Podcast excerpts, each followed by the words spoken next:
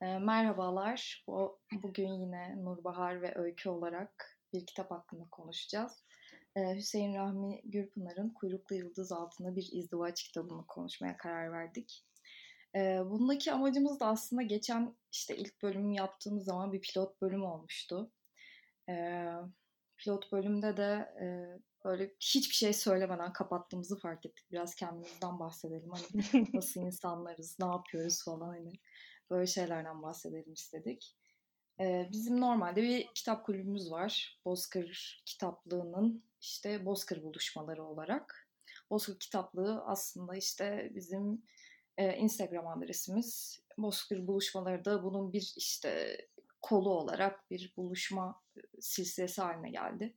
Şimdi yaklaşık birinci yılımızı doldurmak üzereyiz ve benim herhalde en uzun soluklu kitap kulüplerimden birisi olacak bu. 20 ee, kitap okumuşuz bu arada tam. Bölüyorum ha, ama. Öyle mi? Evet 20. kitabımız olmuş bu. Ben de bugün baktım. Yarın da buluşmamız var ya bir yandan. Acaba kaç oldu falan derken. Bir yılda 20 kitap bir kulüpüşüm bence harika ya. Kendimizi küçük evet. bir takdir ettim. Ya bence de çok iyi çünkü yani hem hacimli şeyler okuduk zaman zaman bazen yani çok ince şeyler de okuduk ama yani birbirimizi bu şekilde gaza getiriyor olmamız çok güzel. Neyse işte biz şimdi karantinadayken de bir araya gelememekten muzdarip insanlar olarak şey hani kitap konuşma aşkımızı kaybetmek istemedik. Dedik ki bir acaba podcast mi yapsak ya hani nasıl olur falan diye düşündük. bir de buna e, kolları sıvadık. Hani Nurbahar'la ilk bunu yapmaya başlamaya karar vermeden önce şöyle düşünmüştük hani bir hani bir bağlılığımız olmasın. Biz bunu sürdürmek zorunda değiliz. Bize bir zorunluluk, yükümlülük işte kötü bir şey haline gelmesin falan diye düşündük.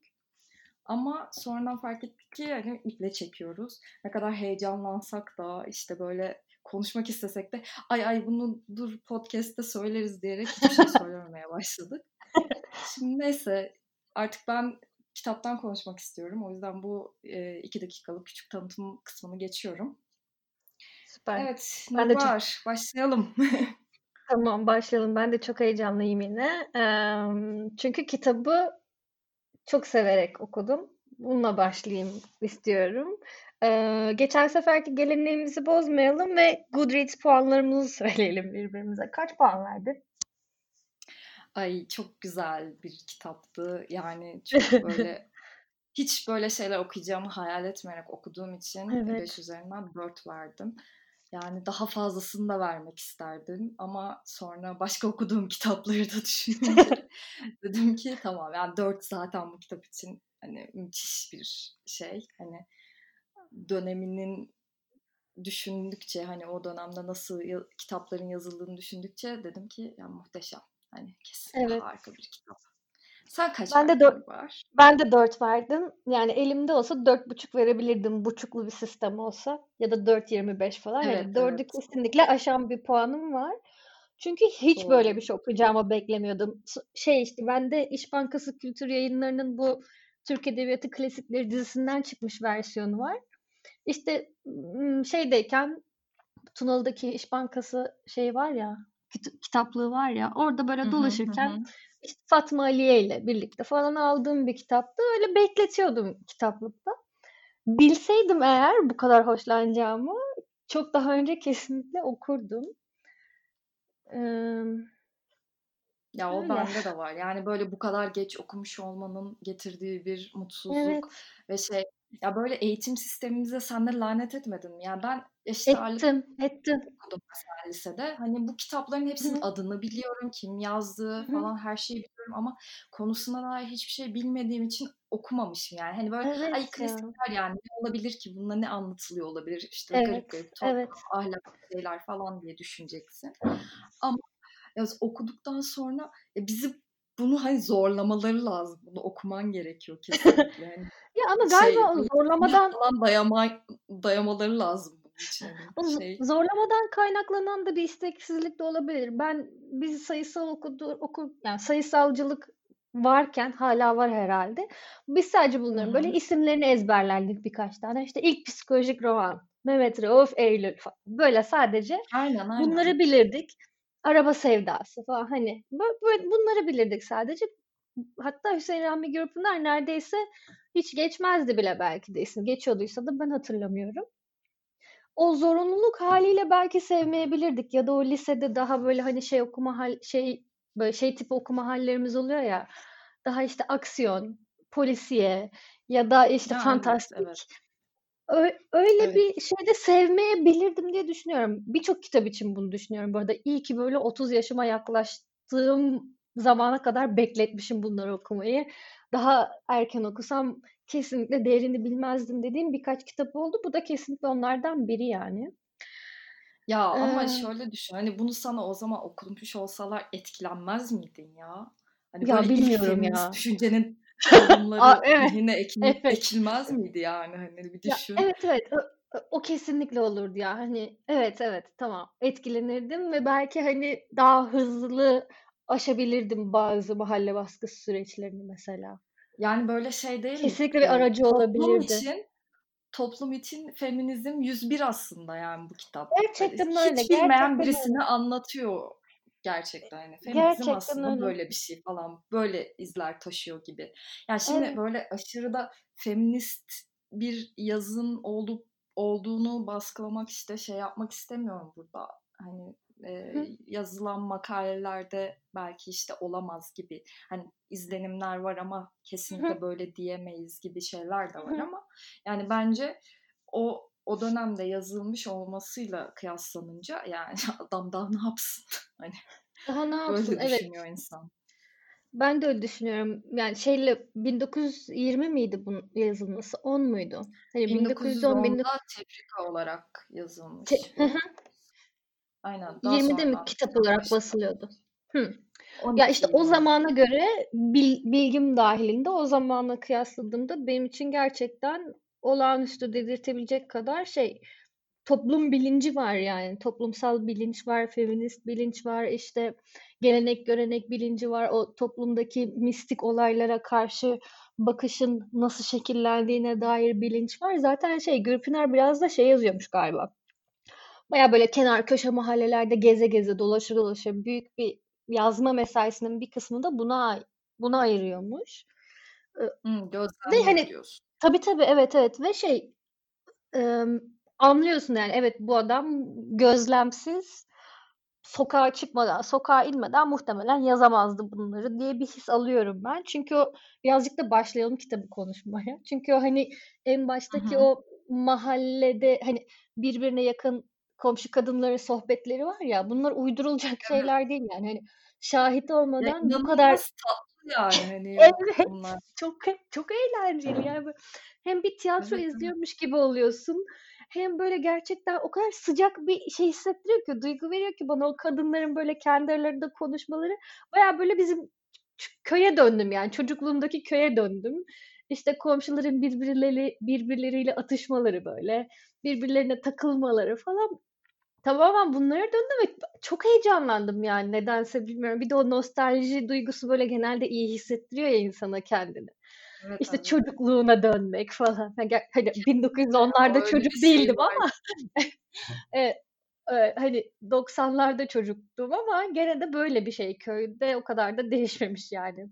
Özellikle kadınlar köyde sohbetler. köy bir yana yani şehirde de böyle yaşantılar var ki yani ben Evet evet. hatırlıyorum çocukluğumda anneannemlerin oraya gittiğim zaman falan hani böyle o kadar komşuluk var ki ya sen böyle şey yaparken sokakta oynarken falan işte teyzeler birbirine camdan bir, şeyler anlatıyorlar. Evet Hani ya. Evet evet. dedikodu dedikodular yapıyorlar. Yani herkesin bildiği ama işte hala konuşmaya devam ettiği şeyler Evet. falan konuşuluyor. Ya Onları burada falan çok yansıtmış mesela. Evet, evet evet bu şey küfenin içine düşme kısmı filan inanılmaz eğlenceliydi yani. Hani yaşlı bir kadın sonuçta küfenin içine düşüyor ve bir süre sıkışıp kalıyor orada ama hani bu böyle ne o kadını aşağılama temelli anlatılmış. Hani.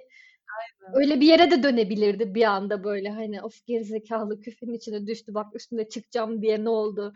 Komşularına laf yetiştireceğim diye ne hale geldi gibi bir çizgiye çok kolay gidebilirdi ama Evet kesinlikle evet. oraya gitmiyor. Bir yandan da böyle kendi aralarında bu kuyruklu yıldız meselesinde konuşuyorlar ya ha- ha- o- onu konuşabiliriz belki. Hani aslında Evet. halamın yıl halamın yıldızıyla başlayıp işte evet, ha- evet. Halley kuyruklu yıldızının dünyaya en yaklaşacağı yıllardan birinde geçiyor. 1905 galiba olaydı. Bir dakika.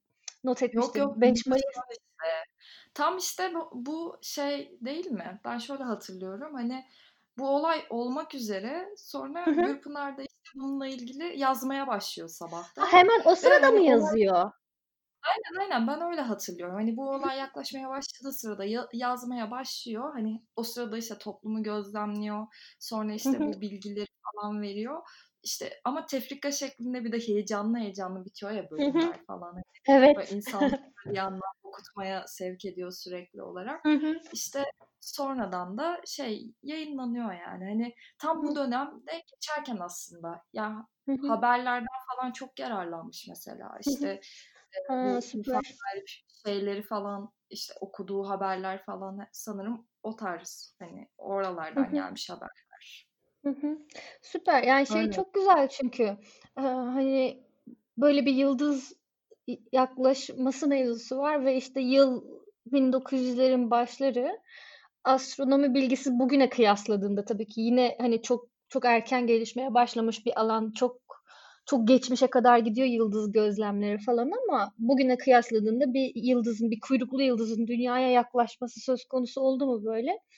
Bir sürü korku, merak, işte kaygı uyandırabilecek bir olay. Hakikaten de öyle oluyor zaten şeyde. Mahallede ya Covid başlangıcıyla da birlikte bir işte meteor çarpacak bir şeyler falan. Yine insanlar bir panik olmadı mı zaten? Hani sürekli bu insanları panik eden bir e şey, olay aslında. Sen çok bağlantısını kuramamıştın ama Maya takviminde de böyle bir şey olmuş. Ya tamam sonradan kurdum yani. Hani, evet doğru toplum gerçekten böyle evet, felaket yani, senaryolarına bayılıyor hani. Evet evet Onlar, 2012 yılında insanlar Şirince'ye saklandı yani şey değil bir kısmı partiydi tamam evet ama bir kısmı gerçekten korkarak gitti böyle evlerde önlemler alındı son dualar edildi falan yani 2012 yılında oluyor bu. Ee, Doğru. Yani hiç farkı yok. Aradan 100 sene geçmesine rağmen evet. şey devam ediyor. evet. Ee, yani o çok güzel. Bir de kadınların anlayamayışı, o anlayam kulaktan dolma bir şeyler duymuşlar İrfan Galip'ten işte. İrfan Galip bir, bir tane bu komşuyla görüşmüş. Bir şeyler anlatmış ona kitaptan göstermiş, işte yıldız haritaları göstermiş, bir şeyler göstermiş. Kadın anlamamış, kuyruklu yıldızın adını bile aklında tutamayıp halamın yıldızı diye anlatıyor falan. Kadınlara böyle kendimden geçtim böyle hani içime inanılmaz bir mutluluk verdi bu durum benim. Öyle yani. Ya. E şey de koca bela. Koca bela. ya. evet. müthiş, müthiş belayı koca belaya çevirip böyle üstünde. Hayır hemen bir isim takma böyle hemen kendinden bir şeye benzetme hali böyle hemen aşina bir şeye çevirme hali onu. Çok çok doğal ve çok güzel yansıtılmış ya. Ya evet yani zaten dilde bu şekilde gelişmiyor mu aslında? Hani evet. duyduğumuz şeyleri kendimize en e, yakın şekliyle aktarmayı seçtiğimiz evet. için evet, bu şekilde evet. geliştiriyoruz bir anlamda. Öyle hazır İrfan Galip'e gelmişken işte şey e, mahalledeki kadınlardan birini anlatması. E, sonraki süreçte e, İrfan Galip'in üstlendiği rolü konuşabiliriz biraz belki. Evet, İrfan Galip hakkında söylenen en gerçek yorumu hemen alalım senden. Aa, bir dakika ya. Yok öyle bir bilgi bende. ya işte böyle gafil alınırsın. Evet. Şey Allah'ım valla. ya ha ha şey Vilda'nın yazdığı şey tamam evet ya bir arkadaşımın Goodreads yorumunu gördüm e, kitabı okuduktan sonra e, iki sene olmuş galiba okuyalı o da benzer bir şey yazmış bu kadar eğlenceli bir kitap olduğunu bilseydim daha önce okurdum falan en sonunda şey demiş işte yalnız İrfan Galip tam bir ekşici değil mi gibi Gerçekten bir ekşi sözlük yazarının 1910'daki hali olabilir İrfan Galip. İnanıyorum ben de buna. Evet yani bir kere sadece bir kadın tarafından reddedilmesiyle gerçekleşiyor yani hani o da konuşamadığı için hani kadınla merhaba diye diyemediği için falan. Ya bir şey söyleyeceğim. Bu hani kadınlara gele, karşı hani bu kuruluyor falan ya bu nefreti de böyle gazetelerde yazılar yazıyor falan filan kadınlar üzerine. Hatta işte şeyde hmm, Feriha Hanım da bunları okuyor. Kadın düşmanı olduğunuzu bildiğim halde yazıyorum bunları falan diye. Benim de şöyle bir sorum vardı. Hani bu kadar kuvvetli bir düşmanlık işte bir reddedilişe ya da birkaç reddedilişe verilebilecek doğal bir tepki mi psikolojik olarak? Yoksa bunu böyle herhangi bir şeyle temellendirebiliyor musun? Yani bana çok doğal gelmiyor. O süreci nasıl açıklarsın sen? Yani şimdi burada Fatih olsa çok güzel şeyler söylerdi eminim Gerçekten mi? Bilmiyorum yani hayal ettim şu an ama e, ben kendi kısıtlı bilgilerimle yani İrfan Galip'in anasıyla kardeşiyle de arası çok bir şey yok yani Hmm, yengesine Hı hı. falan da o, o ilgileniyor gibi yengesiyle. Çünkü abisi. Howard'ın tekiymiş galiba değil mi? Öyle bir şeyler vardı. Evet evet. Evet.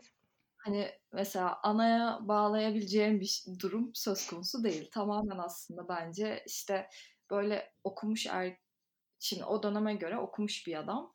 İşte geliştirmiş falan bir sürü ilgi alanı var ve işte kendini de biraz yükseklerde görüyor başkalarına göre ve Hı hı. e, işte kadınlardan herhangi bir şekilde karşılık bulamadığında e, ben zaten hani en iyilerine layığım işte layığım zaten bu kadın olamaz. O yüzden hı. de bence işte hiç bu ka- karı kız işlerine ben bulaşmayayım diyerek Hı hı. hani kendini iyice kapatmış olabilir. Hani tamamen Hı. aslında nördlüğün getirdiği bir şey de olabilir yani. Hımm. Peki bununla şeyin alakası var mı? Bu, ııı, konferanslar düzenleyip kadınlara Halley kulluk ku ku kullukluyu Halley kuyruklu yıldızını anlatmasıyla, hani, bu üstün görme durumuyla bir alakası var mı? Yoksa Var sence var biraz daha böyle kendine söylüyor bunu ya. daha ha, ya şey için sordum. Yoksa daha böyle hani toplumsal bir davranış mı? Hani toplumsal bilinçlendirme böyle daha naif bir dürtü mü yoksa sence o Yok bu konferanslar dizisi? bahsediyordu. Çok kısa bir yerde. Hatta ben aa öyle miymiş falan gibi düşünmüştüm. Hani gerçekten insan amacını merak ediyor. Yani İrfan Galip neden böyle bir şey yapıyor diye düşünüyorsun. Hani mahalledeki kadınları evine topluyor. İşte onlara böyle kuyruklu yıldız hakkında bilgi veriyor ve hani sadece onlara veriyor. Ve böyle şey aslında bu onun e, kadınları küçümsemesinin bir bir yolu. Hımm. Yani bu şekilde bunu O bu o şekilde o yani. uzantıyla geliyor diyorsun. Bir Evet şey evet. değil de itiraf ediyor işte bunu. Şey Hımm. değil. Ee, ama işte zaten en son kısmında böyle son anlatım kısmında da şey oluyor ya böyle ışıkları kapatıyor ve işte çatapat patlatıyor Evet falan. ya, yukarıda bir şeyler devirtiyor. Bir yandan böyle vicdani olarak da şey hissediyor. Ya bu kadar heyecanlanacaklarını bilseydim böyle bir şey yapmazdım sadece. Hani biraz eğlenmek istemiştim falan gibi bir şey oluyor ama o kısmı mesela çok komikti. Yani 40 yıl Evet düşünsem böyle bir şey ya. yapmak aklıma gelmezdi. Hani çok iyi bir troll. Evet Kesinlikle bayıldım. ya, evet. Bir de şey, eee, bu zaten ders verme bir süre sonra şeye dönüyor ya, korkutmaya dönüyor ya. İlk başta böyle bir şeyler anlatıyor gibi, Evet evet. bilimsel gerçekler üstünden gidiyor. Sonra dur ben ben bunları bir korkutayım falan deyip böyle bir rüya Evet olarak Rüya. anlatmaya başlıyor. Ve bu inanılmaz uzun sürüyor. Böyle üç konferans falan rüyasını anlatıyor. Kuyruklu yıldızın ne kadar işte korkunç bir felakete yol açacağını anlatıyor. Bir taraftan işte Karadeniz'den sular gelecek. Avrupa'dan yangın gelecek. Tam İstanbul'da bunlar birleşecek. Biz suda mı kalacağız, ateşte mi kalacağız falan.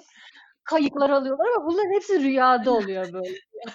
Evet bir de o kısımları şey gibi okuyorsun. Böyle hani gerçekte olanlar olmuş da Ay, o Evet. kadar detaylı bir rüya ki hani Evet, evet. Ya şey bitmiyor hani kahyası evet, evet, kahyası elinde gazeteyle odasına giriyor. Bunu uyandırıyor. Rüyasında oluyor.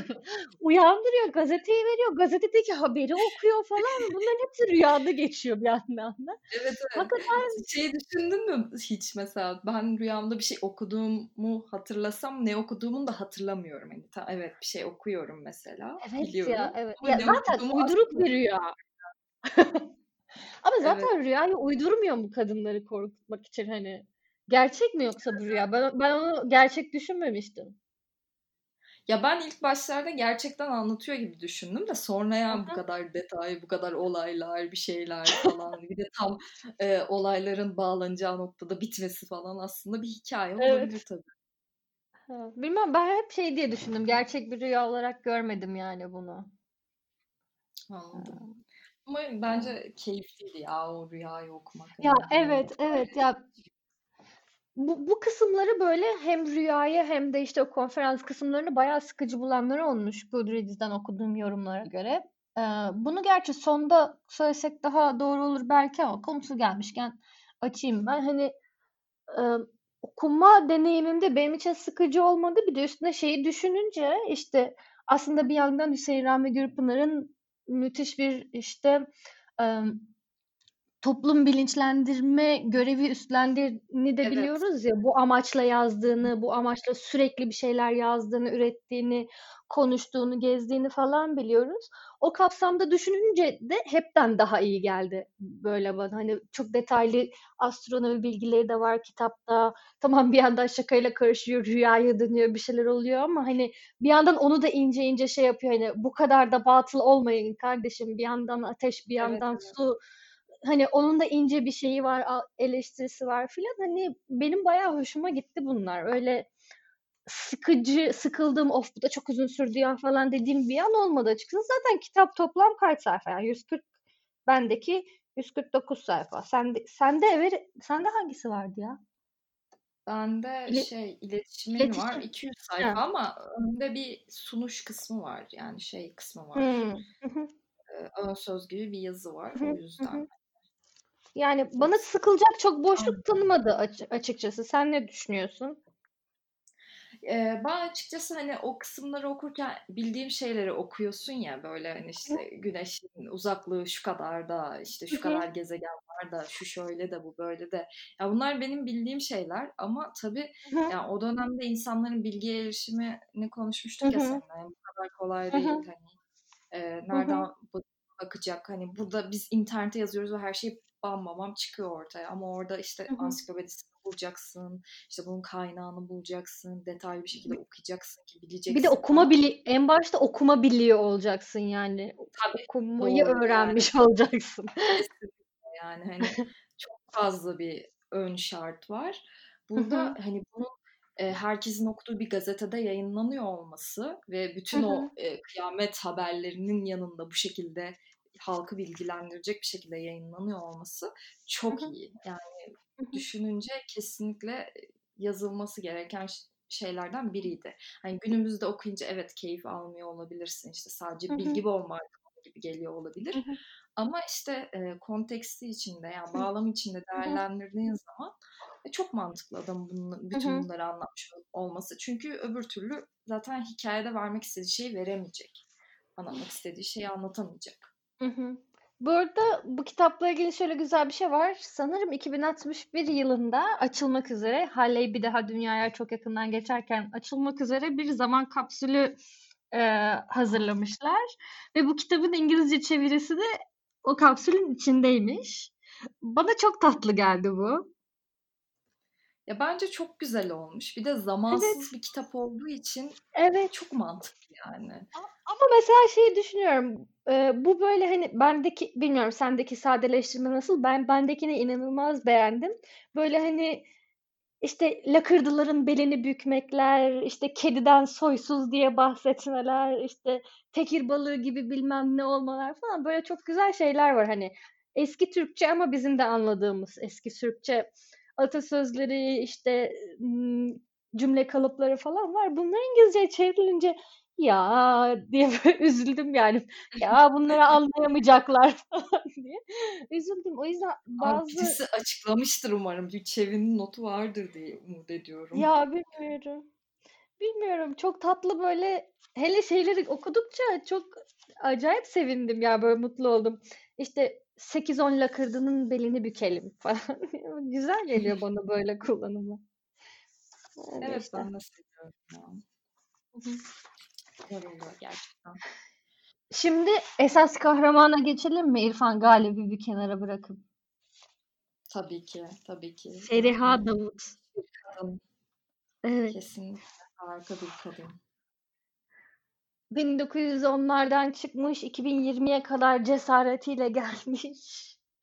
Hepimize örnek olması gereken bir kadın. Ya muhteşemdi ya. Böyle hani söylediği her şeyi hani söylem söylemesi gerek gerekiyordu. O yüzden söylemiş. Hani Hı hı. o kadar yerinde bir karakter ki ya. Gerçekten bayıldım yani. Hani daha Evet, evet. iyisi olamazdı diye düşünüyorum Gerçekten ya. Hani çok fazla böyle hani klasik Türkçe edebiyat okumadım ama zannetmiyorum ki ha gerçi şey hani Fatma Ali'nin vesaire kitaplarında cesur ve işte özgür kadınlar var ama hani şeydeki çok, bu Hüseyin Rahmi Gürpınar'ın Feriha Davut'u bayağı başka çünkü kadın gelenekleri tam anlamıyla böyle karşı da çıkmıyor. Onlarla savaşmıyor da ama gelenekleri de uymuyor bir şekilde. Onları da takip etmiyor. Hani çok böyle nazik bir savaşı var o şeyle. Ataerkiyle, dalga da geçiyor. Dalga, Dalga evet, evet, evet. Ve bunu inanılmaz nazik bir şekilde yaptığı için bana çok güzel geldi bu. Hani evet. o nazikliği biz koruyamıyoruz. Ben koruyamıyorum. Ben bayağı böyle kanlı bıçaklı kavga dövüş falan veriyorum bu tip savaşları. Ee, ağzım burnum sinirleniyorum. Böyle gözümüze sokmuyor da hani şey böyle evet, çok mütevazı evet, evet. bunu. Mesela işte şey çok güzel bir detay işte bunu istemeye görücü pardon istemeye değil görücü olarak gidiyorlar. Normalde görücü kız sadece kahve verip çıkarmış ya. Bu kapıyı bu açıyor. Oturuyor onlarla sohbet ediyor. Anlamıyorlar işte şey İrfan Galip'in annesi anlamıyor ilk başta onun o olduğunu falan. Sohbet ediyorlar, konuşuyorlar, konuşuyorlar, konuşuyorlar. Sonra e, benim görmeye geldiğiniz kız falan diyor. Kızın annesi geldikten sonra. E, benim o falan. Çok güzel yani bence bunlar. Evet ya bu, bu kısımları çok güzel şey yapmış. Hı hı. Sonra mesela şey kısmını çok beğenmiştim ben. İrfan Galip ilk mektuptan sonra aşık olduğuna dair bir sürü hı hı. bir şeyler yazıyor. İşte ben sizi görmedim ama büyülendim işte sizin zevcem olmam, olmanızı istiyorum falan. Böyle hani bildiğin yürüyor yani kıza. Evet. Ondan sonra Feriha Davut da ben sizin hani şey e, samimiyetinize güvendiğim için böyle bir şey yazdım ama siz hemen böyle beni yanlış anladınız. İşte benimle birlikte olmaya kalktınız da şöyle de böyle de hani hemen savunmaya geçiyor kendisi ve bunu da çok güzel bir şekilde yapıyor. Evet evet. Bir de bu işte evlendikten sonraki işte şey muhabbeti var ya yıldız geçmesini bekleyelim muhabbeti var ya. Ve ya işte, o da bir troll ya. Küçük bir troll. evet evet ya çok ya mesela işte neydi perşembe günleri mi evlenilirmiş sadece o da herhalde mübarek cuma perşembeden başlar şeyi var ya herhalde onunla alakalı bir perşembe evlenme muhabbeti.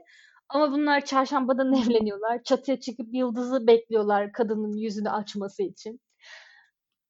Aa, ama bir de şey trolü var ya Feriha'nın. Bunu şey, Ay, düşününce gülüyorum. Yani. Gülmekten anlatamıyorum. şey yapıyor ya işte e, mektup getiren kadını takip edince İrfan Galip bu karşısına çıkıyor. Feriha şöyle kötü biri, böyle kötü biri. Benim kocama da mektuplar yazıyor. Herkesi aldatıyor falan evet diye ya. böyle. E, güzel bir sınava yani. Güzel bir troll. Ama bak şey korkusu da yok. Hani ben birisinin diline düşerim böyle şeyler söylediğim için gibi bir korkusu da yok kadının. Hani Muhtemelen zengin direkt... olduğundan. bilmiyorum oradan. Ya bilmiyorum da şey diye düşünüyorum. Yani İrfan Galip e, Feriha Davut hakkında atıp tutsa sağda solda mesela. Ha, ha. Ve o şekilde insanların kulağına anladım, gitse. Anladım. Ya yani onlardan falan da çekilcesi yok. Kendinin ne olduğunu biliyor ve çok evet. net bu konuda. Sonuç doğru söylüyorsun yani. Sonuçta bir, bir şey vardı ya bisiklete binip bir tur atsam şurada bir daha benimle evet. kimse evlenmez zaten gibi öyle bir de, doğru. Evet evet ben onu düşünmemiştim o korkusuzluğu. Evet yani o o korkusuzluğu, o cesareti ve hani kendi kabuğundan çıkma arzusu falan gerçekten yani, muhteşem geldi bana. Çok evet ya. 1910'ların düşüncesine ait değilmiş gibi hissettim yani. Hani evet. O, evet. o dönemde yaşamadın bilmiyorsun ama yine de böyle bu bugün bile tartıştığımız şeylerden bahsettiği için aslında hı hı. Ya böyle şey hissediyorum. Ya çok çok yenilikçi, çok çağın ötesinde bir hı roman gibi hissediyorum. Ve benim iyi edebiyattan beklediğim sadece bu zaten. Hani çağının azıcık evet. ötesinde o o dönemin koşulları bunlardı diye onlara kapılıp atıyorum ırkçılık bir dönemin normuysa o normla yazmadığın zaman benim için iyi edebiyat oluyor direkt zaten böyle. Çünkü böyle bir bütün evet. bütün bütünlük halinde düşünme eğilimim var yani. Bunu da çok sık konuşuyoruz. Hem kitap kulübümüzde hem kendi aramızda. Yazarı böyle yazarın yaşam görüşünü edebiyatından ayırmak ya da ayırmamak diye. Ben ayırmayan taraftayım ve hani e, bu tip 1910'da yazılmış bu kitap benim için hani kötü bir edebiyat bile olsa, kötü bir kitap bile olsa çok önemli olacak. Çünkü birçok şeyi aşıyor, birçok şeyi ötesine taşıyor. Birçok insana böyle özellikle hani gazetelerde yayınlanıyor herkesin erişimi var. İnsanlar bunu okuyup bunu okuyup minik minik aydınlanma yaşama ihtimalleri var falan.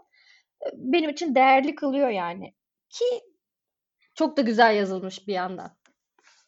Evet, evet. Gerçekten öyle ya. Yani ilk okuduğumuzdaki heyecanımızı hatırlıyor musun? Çıldırmıştık. Evet. evet. evet. Tabii bir haftayı geçti biz okuyalı aslında biraz Hı-hı. geciktirdik podcast'i. Ama yine de böyle şeyiz. O, o zamandan bu zamana içimizde kalmış böyle işte başlamadan önce podcast'te ne konuşacağımızı konuşurken bile heyecanlandık. İşte ne güzel bir kitap diye yine şey olduk.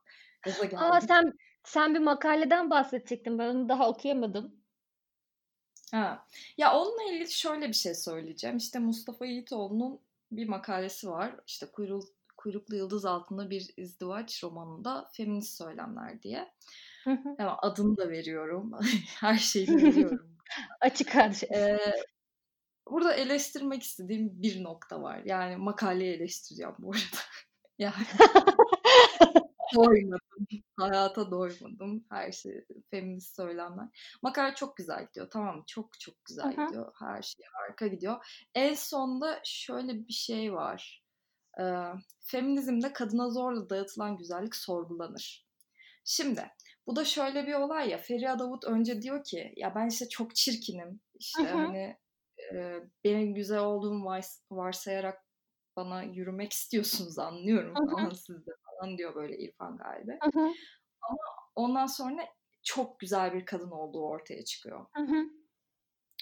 Ee, İrfan Galip de önce çirkinliğini kabul ediyor ama sonradan kafasında da şöyle bir şey düşünüyor. Hani çir- e, şey olursa hani beğenmediğim türde bir insan çıkarsa da boşanır gider yani ne olacak falan gibi bir şeyler söylüyor ya. Ee, işte ben de şey düşündüm yani şimdi Feriha'nın güzel bir kadın çıkması olabilir. Herkesin başına gelebilir güzel bir kadın. yani ama bunun feminizmde eleştirilecek bir tarafı olduğunu düşünemedim ben. Ee, ya tamam, bir şey söyleyeceğim. Ben düşünmüştüm bu arada. Şöyle düşünmüştüm. Lafını bölüyorum ama ben şöyle düşünmüştüm. Hani her şey perfect ilerliyor burada. Bir de şeyi görmek isterdim. Feriha Çirkin çıksaydı İrfan Galip'in tepkisini görmek isterdim. Bakalım hala bu kadar aşık olabiliyor musun İrfan Galip falan diye bir şey yapmıştım.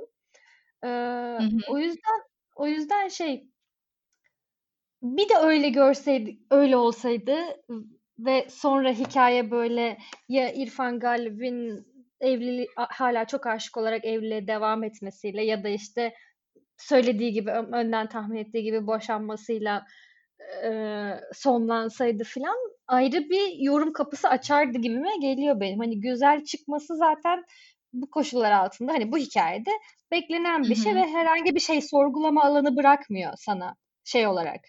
E,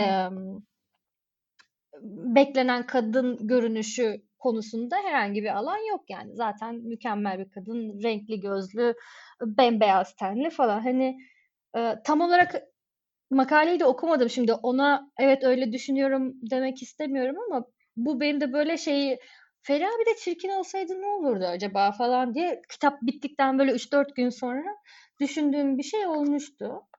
Öyle yani. Lafını evet. bölüp onu atlatmak atlamak istedim araya. Ha iyi yaptın. Yani ben de düşündüm bu arada dediğin şeyi ama Hı-hı. şu da şey hissettiriyor. Şimdi İrfan Galip de böyle her şeyi göze almış bir şekilde Hı-hı. geliyor ya. Yani Hı-hı. Feriha Davut hakkında şöyle böyle konuşuluyor kendisine.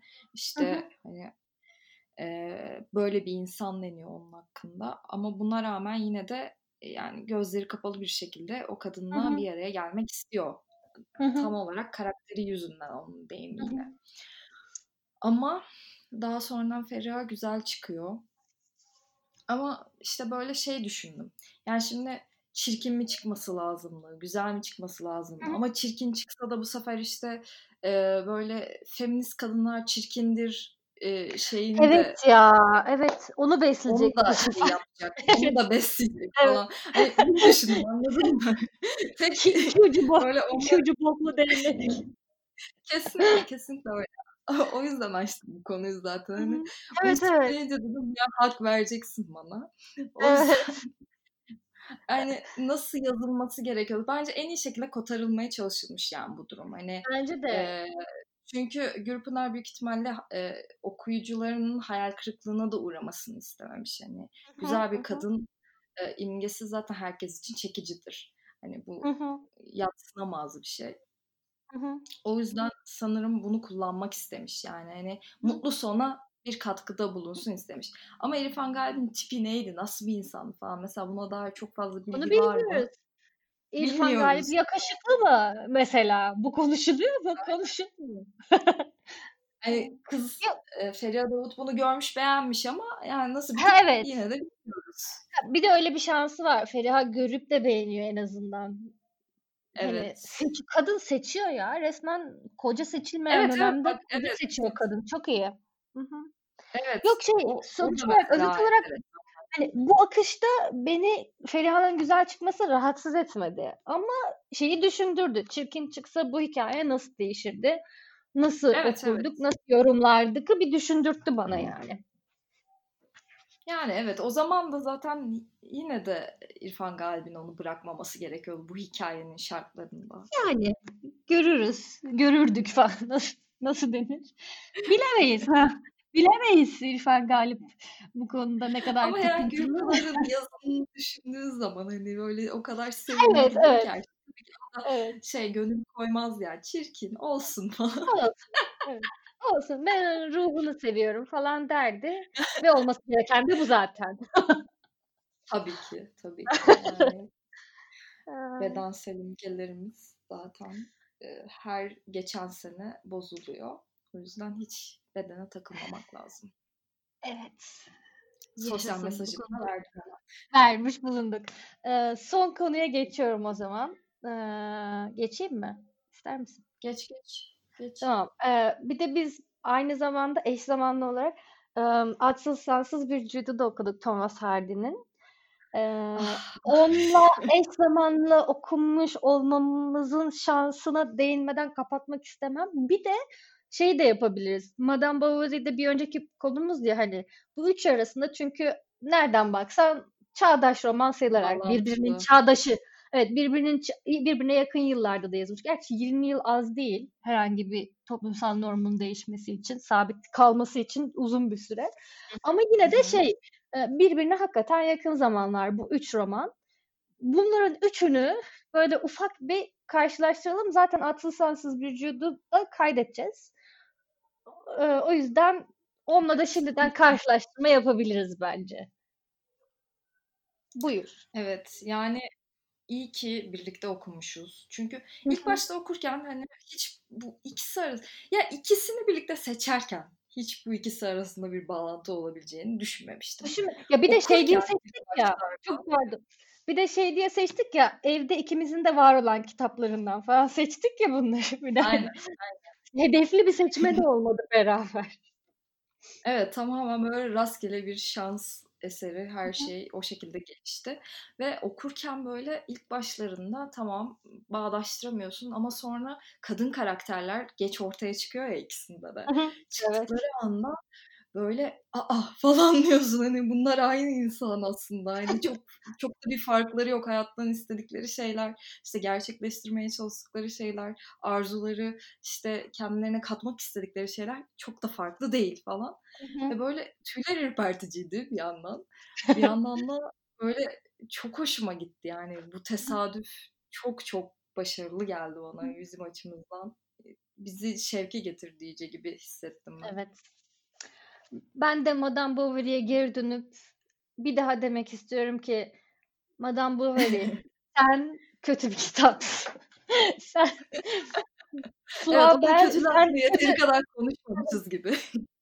evet yeterince konuşmamışız. Bu bölüm bit yani konuşmaya doymadık haftalarca. Üstüne podcast kaydettik. Yine gazımızı alamadık. Bak hala konuşuyoruz yani. Aa, bu arada ben şey okudum. Flaubert'in üç hikayesini okumak istiyorum demiştim ya o bölümde. Onu okudum. O güzeldi mesela. Ee, çünkü hmm. evet evet güzeldi. Üç tane hikaye var hakikaten de. Adından belli olduğu gibi. Üçünün de böyle çok, çok değişik çok değişik notaları var falan. Güzel. O hoşuma gitti ama hani hala şeyi anlamıyorum. Atsız Sensiz bir Jude'da Thomas Hardy'nin yazdığı Sue karakterine bakıp bir de Madame bu Flaubert'in yazdığı Madame Bovary'e bakınca bu ikisi aynı çağda yazılmış ve ünlü olan Madame Bovary mi olmuş diye gerçekten bir kez daha sinirlendim ben. Evet gerçekten insanı mutsuz eden detaylardan birisi yani. Evet. evet. Çünkü sen şey dedin ya yani o çağda yazıyor diye onu o şekilde değerlen yani o çağın şartlarında değerlendirmemiz gerekmiyor illa. İşte evet, yazan yani. yazmış. Evet yazan var yani çağının ötesinde ya, olmak gerçekten evet zor tamam ama sen bir yazarsın. Ee, toplumdaki diğer insanlara göre çok daha fazla eğitim almışsın, okumuşsun, birçok şeye erişimin var. Zaten o çağlarda yazarsan belli ki zenginsin yani. Belli ki e, tarlam var, köle var hani belli ki böyle bir ekonomik kaygın yok. Hani o çağda da oturup bir Madame Bovary yazma ama bir Jude yaz yani. Ne bileyim. Evet yani Jude o çağı bırak bu çağı değerlendirdiğinde bile zamanın ötesinde bir eser. saklayalım saklayalım. bir sonraki bölüm saklayalım. Aynen tamam. Burada bırakabiliriz artık bence. Evet. Yani konuşacağımız her şeyi konuşmuş bulunmaktayız. Bir tane daha şey söyleyeceğim. Ben onu da unutmadan Hüseyin Rahmi'nin bir de şeyi çıkıyormuş. Everest yayınlarından Hakka sığındık, işitilmedik bir vaka diye. Selimilerinin sunuşuyla çıkıyormuş. Ve şey İspanyol gribi ile koronavirüs arasında benzerlik e, olduğunu yazarak paylaştı Everest bu haberi. Gerçekten çok merak ediyorum. Çıkar çıkmaz okuyacağım ve Gürpınar'ın diğer kitaplarını da okuyacağım bu arada. Gülyabani'yi, evet, Muhalli, Yine birlikte okuruz umarım. Ben de okumak evet. istiyorum çünkü. Osmanlı Hirom Hüseyin Rahmi Gürpınar'dır artık. Evet ya çok başarılıydı. Çok çok Hı. hoştu. Ortamlarda o zaman bir kitap evet. oldu.